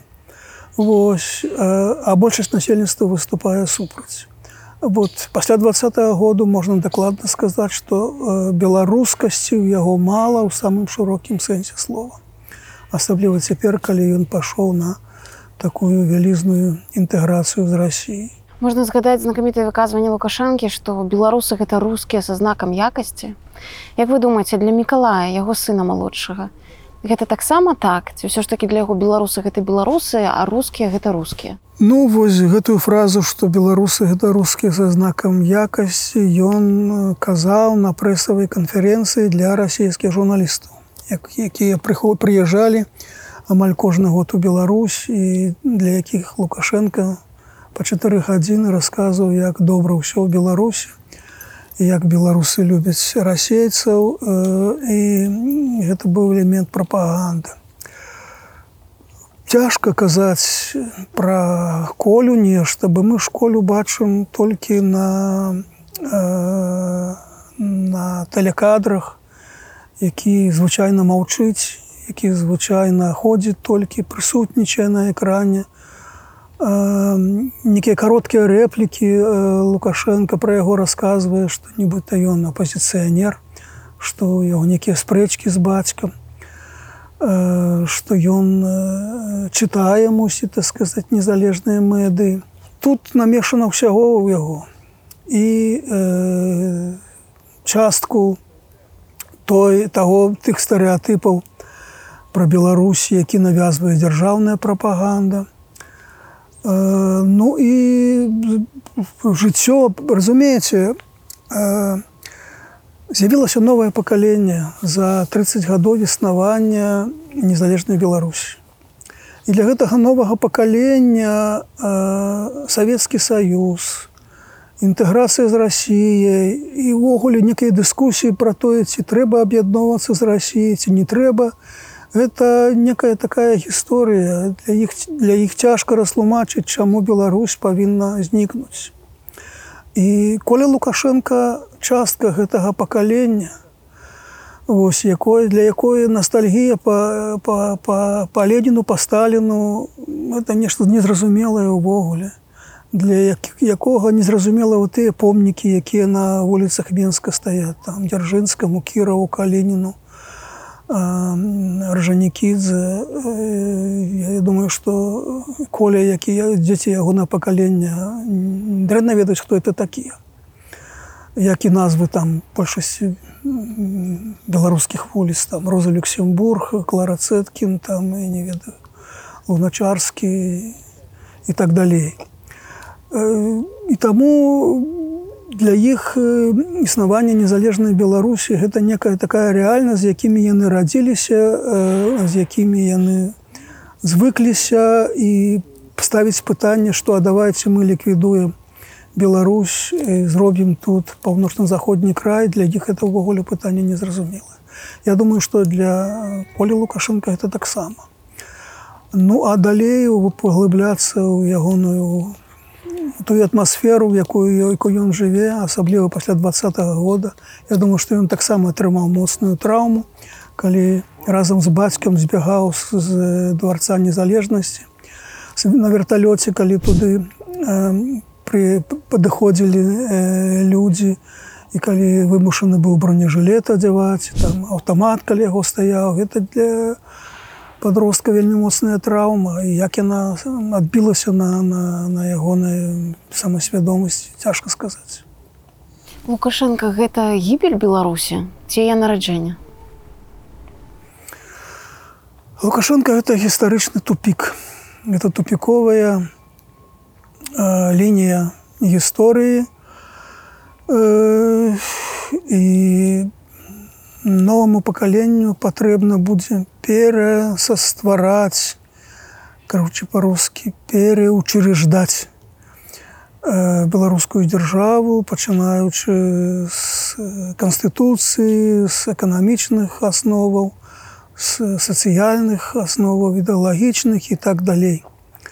Бо э, сёння э, беларускае грамадства перарасло дзяржаву перарасло рэжым беларускае грамадства давно перарасло самого лукашэнку чалавек які кіруе дзяржаву які не карыстаецца інтэрнетам які інтэрнет лічыць э, сметніцы ці памойка як ён кажа ну гэта чалавек вельмі несучасны і зразумела что у пасля лукашэнкі любое новае кіраўніцтва неважна нават калі гэтае кіраўніцтва будзе будзе затачэнне лукашэнкі будзе вымушана шукаць сваё сваю легітымізацыю на шляху дэ лукашэнізацыі на шляху адыходу ад лукашэнкаўскай спадчына Вось таму бо Беларусь ад лукашэнкаўскага кіравання получ... атрымала вельмі вялізную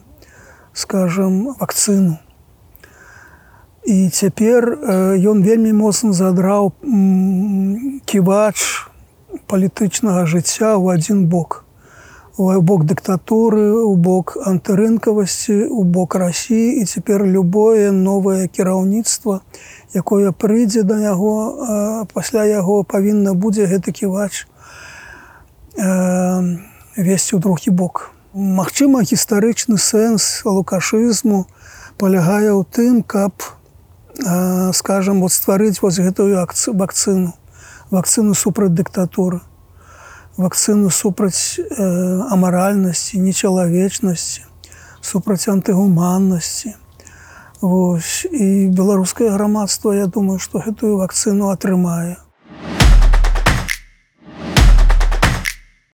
Навошта Лукашенко пастаянна ездзіць да Пуціна? Э, сёння лукашенко і Пуціна звязвае скажем так акрамя міждзяржаўных адносін некая лічная асабістая унія можна сказаць да?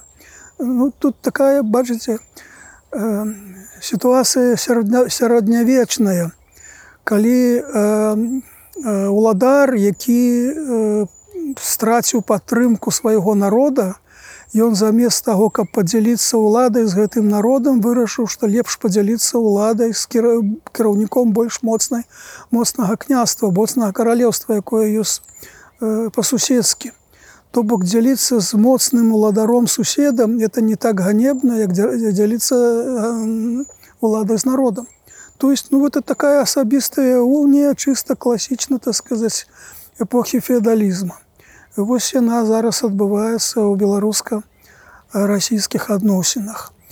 Ну і цяпер цяпер у этой сітуацыі, калі дзве краіны аказаліся ў моцнай ізаляцыі, калі дзве краіны пад жорсткім прэсінгам з боку не толькі захаду, а іншых краін, ну так і што ён застаецца? Толькі, толькі камунікаваць адзін з другім. Ну і тым больш цяпер вельмі важная расійская падтрымка. І дарэчы яна атрымоўваецца. Жа з'явілася лічба што в 22 годзе Беларусь атрымала ад рассіі парадку 15 мільярдаў даляраў толькі за па нафту і газе. Такога не было ніколі раней.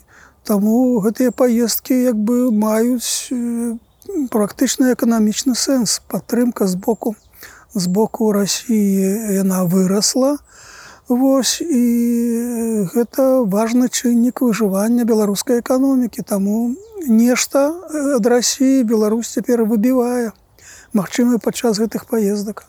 Ну і тут чыста яшчэ псіхалагічная псіхацерапія, што называецца падтрымка адзін другога у крытычнай сітуацыі, якой апынуліся оба абодва лідары. Як вы думаеце, які план Пуціна на Беларусь? Я думаю, сёння у Пуціна няма нейкіх асаблівых планаў на Беларусь. Думаю, што тое статус-кво, якое ёсць, задавальняе Пуціна процентаў на 80 і мяняць яго ён не збіраецца. Сёння Пуін вельмі моцна паграз у украінскім балоце, украінскай вайне, у гэтым канфлікце з захадам і Беларусь для яго цяпер, ну скажем так далёка не на першым плане. Тое што робіць лукашенко яго ў прынцыпе по вялікаму рахунку задавальняе. Ці наступіць распад рассея ў выніку войны все залежыць ад таго і чым закончыцца вайна. Цяпер э, ідзе вайна на ізмор вайна на тое якая якая які бок не вытрымае доўгай працяглай вайны. Сыход пакуль не зразумелы распад Росіі Я думаю што гэта ўжо занадта радыкальны сцэнар верагоднасць яго невялікая Як вы думаеце чаму у беларусі дагэтуль папулярная асоба Пуціна? То бок нават сярод людзей якія сёння не падтрымліваюць лукашэнку ёсць прапуцінцы? Таму што у беларусі даволі вялікая частка людзей для якіх Росія гэта самая блізкая краіна для якія жывуць у інфармацыйным полі рассіі культурным полі рассіі это людзі аўтарытарнага складу для якіх моцны лідар дыктатар гэта это, это знак плюс. А тым больш дыктатар які змагаецца з захадам з амерыканцамі якія не прымаюць заходнюю еўрапейскую дэмакратычную ідэалогію Ну і Пуін тут як бы якраз добры прыклад 10 гадоў таму папулярнасць еўразвязу ў беларусі ва ўкраіне была прыкладна падобная каля 50 процентаў насельніцтва былі гатовыя ці схільныя да таго каб краіны уступілі ў еўразвяз зараз украіна ўжо гатовая вступіць народ гатовы а Беларусь максімальна прывязаная да рассіі Вось ці можа здарыцца сітуацыя пры якой у беларусі грамадская думка рэзка можа развярнуцца ў бок захаду такая сітуацыя здарыцца можа здарыцца дзеля гэтага патрэбна некае такое вялізнае забурэнне якое перажыла Росія украінскае грамадства я маю на увазе і другі майдан і Крым і Донбас і вся гэта гісторыя, якая цягнецца 14 -го года, ну і плюс цяперашняя вайна. Вот такі землетрус палітычны, які так сказаць перавярнуў Украіну і стварыў украінскую нацыю. Вось калі такі землетрус здарыцца э, тут, э, то гэта магчыма. Мне падаецца, што двадцаты год, быў пачаткам такога землетрусу калі б гэты пратэз закончыўся перамогай то сітуацыя з геапалітычнай арыентацыі таксама вельмі моцна памянялася ну але будзем чакаць свайго землетрусу палітычнага пол каліноўскага хоча быць асобнай палітычнай сілай беларускай ну так выглядае прынамсі пэўная яго частка. Як вы думаеце у гэтага ёсць палітычная будучыня і заходняя палітычная супольнасць і беларуская палітычная супольнасць пакуль э, не бачыць якім чынам пол каліноўскага можа ператварыцца ў палітычную сілу. Я з цяжкасцю уяўляю што пол каліноўскага можа сказать пайсці з некай вызваленчай місіі узброеным узброенай сілай на на тэрыторыю беларусі. У літве зараз ідуць гарачыя дыскусіі з нагоды літвінізму. Літоўцы баяцца магчымых прэтэнзій беларусаў на літву альбо гісторыю вКл Як вы думаеце ці ёсць падставы для гэтага? Подставы для подставаў для гэтага няма і мяне трохі дзіўнавата адкуль увогуле з'явілася такая праблема бо людзі якія якія гэтую ідэю вылучаюць я маю на ўвазе беларускай дыяспоры беларускай дэмакратычнай супольнасці это маргіналы якія ні на што не ўплываюць якія не з'яўляюцца майстрымам якія ну так сказаць знаходзяцца ў некім у некай такой ізаляцыі і вельмі дзіўна што літоўская грамадскасць літоўская палітычная нават супольнасць пачала эту тэму развіваць, абергаць, спрачацца з ёй і нават на гэтым падборку э, ладзіць магчыма некія захады, якія могуць скажем так э, пашкодзіць беларускай дыаспоры на тэрыторыі літвы. Таму я думаю, што гэта праблема ўвогуле штучная штучная і для мяне дзіўнавата, што літоўскае грамадства на гэта неяк рэагуе. У пачатку 2020 года Яўген Прыгерман, блізкі аналітык да лукашэнкаўскіх колаў, ён выступіў з такім праграмным артыкулам у нашай ніве, дзе перасцерагаў апазіцыю, дэмсілы ад таго, каб разгойдваць човен напярэдадні выбараў. Вось пазіцыі сённяшняга дня. Як вы глядзіце на тыя перасцярогі, ці меў ён рацыю у пэўным сэнсе? Тут цікавая бачыце сітуацыя ў тым, што пры герман казаўшы пра тое, што не трэба разгойдваць, не трэба даводзіць супярэчнасці да нейкіх да некага вострага канфлікту, ён звяртаўся да фактычна да тытульнай апазіцыі. Але тытульная апазіцыя праваліла праймерыс і фактычна справа ішла да байкоту. І тое, што раптам на вуліцы выйшаў народ, было нечакана для гэтай тытульнай апазіцыі і адна частка уключілася ў гэтую барацьбу, паспела прыгнуць у апошні вагон цягніка, які сыходзіў, А значная частка апазіцыі там мне падаецца і засталася на гэтай платформе, як напрыклад партыя БНФ. То таго апаненту, да якога звяртаўся пры герман, яго можна сказаць не аказалася, бо э, на вуліцы выйшаў беларускі народ, беларускае грамадства. І не апазіцыя яго прадстаўляла. Вось у чым праблема. Таму калі цяпер казаць, маўляў, не трэба было пачынаць, то каму прэтэнзіі. Не да, не, да, не да апазіцыі, бо не апазіцыя была арганізатарам. Ведаеце, я думаю, што э, ўсё ж двадцаты год пакінуў вялікі след у беларускай гісторыі, беларускім грамадстве. Двадцаты год можа будзе названы самай яркай, падзеяй на найноўшай беларускай гісторыі, якая пачынаецца з з таго моманту, калі з'явілася Рэспубліка Беларусь. Таму падзеі два году не прайшлі дарэмна. Яны будуць мець э, свой уплыў, гэта будзе некі такі кропка адліку. І таму э, казаць, што вось э, калі б не двадцаты год, то ўсё было б добра, а двадцаты год штурхнуў Беларусь у некую трагічны трагічны кірунак. Так з аднаго боку у пэўным сэнсе так, але гэта кароткі кароткі тэрміновы так сказаць падыход. У доўгатэрміновым падыходзе мне думаецца, што двадцаты год быў вельмі моцным рухавіком беларускай гісторыі. Дзякую вам за размову. Калі ласка. Сябры дзякуй, што даглядзелі гэтае відэа да канца. Гэта вельмі высокая ацэнка нашай работы. Калі ў вас з'явіліся ідэі думкі падчас прагляду гэтага інтэрв'ю, пакідайце іх у каментарах пад гэтым відэа. А таксама падпісвайцеся на наш канал, каб не прапусціць новы выпускі ток. І на канал наша Нева Ньюз, дзе мы публікуем па буднях свежыя выпускі гарачых навін. Дзякуй, што вы з намі.